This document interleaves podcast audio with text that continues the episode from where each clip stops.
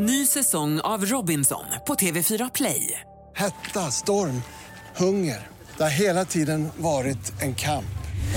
Nu är det blod och tårar. Fan händer just nu. Det. Detta är inte okej. Robinson 2024, nu fucking kör vi! Streama söndag på TV4 Play.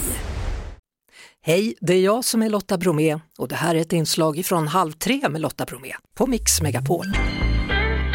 Nu ska vi snacka med Kalle Lind, ni vet han är både poddare, författare, har haft Hej Domstol i P3, varit med på På spåret och skrivit en hel del böcker. Hallå, hallå Kalle! God dag, god dag. Hur är vädret hos dig? Alltså jag befinner mig i Malmö och här har vi ju alltid bra väder. Det är så ja. Ja, för en gångs skull så stämmer det. Det är ju fruktansvärt stark eh, strålande sol. Mm. Du, allra först då, stort grattis till Piratenpriset som du fick här tidigare i sommar.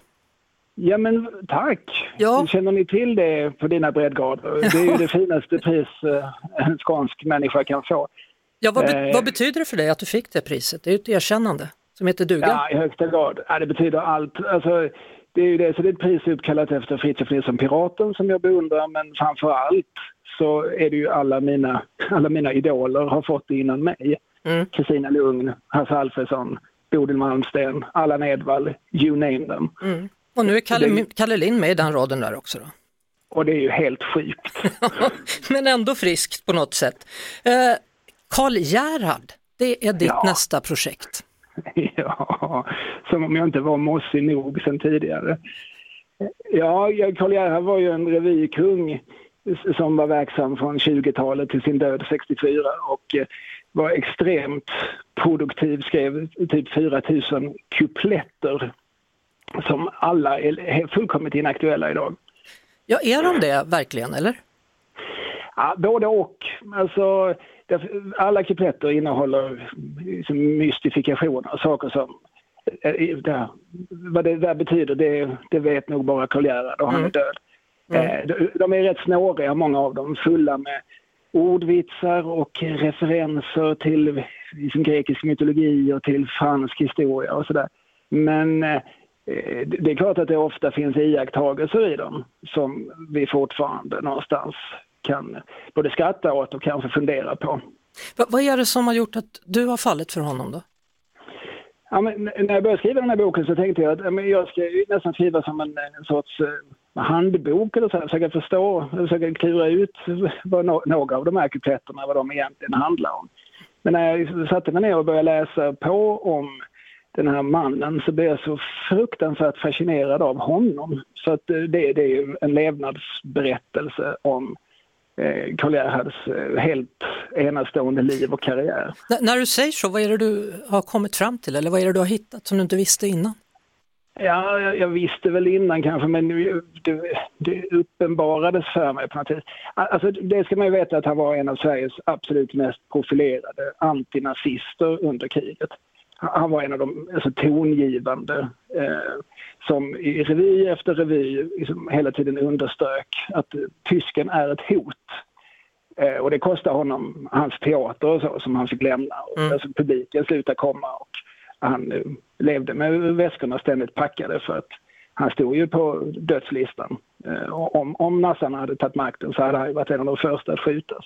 Mm. Eh, och dels så var han ju, alltså i en tid då hbtq-frågan var en, en icke-fråga så var han ju så öppen homosexuell du, du rimligen kunde vara vid tiden. Eh, och, och detta liksom kommunicerade han ju till, alltså gay-publiken förstod ju detta. Den Mm. stora publiken kanske inte riktigt. Men, men han måste ändå liksom ha varit en, en sorts liksom ledstjärna eller någon, någon att klamra sig fast vid om, om man själv var, Mm. var gay vid tiden. En djärv man med Men- starkt civilkurage. Ja, alltså har han fått den uppskattning som han förtjänar tycker du? Alltså han fick det under sin levnad, då var han ju en av Sveriges mest kända människor. De här Östermedaljer och ordnar och priser och sådär över honom. Så att han dog liksom inte missförstådd på något sätt. Men, men eh, idag tror jag många bara ser honom som, om de alls känner till honom, som liksom en gubbe från förr. Eh, som inte har någon som helst relevans för oss idag. Men, Men man kan tänka, här låten Jazzgossen och så kommer det en gosse Ja.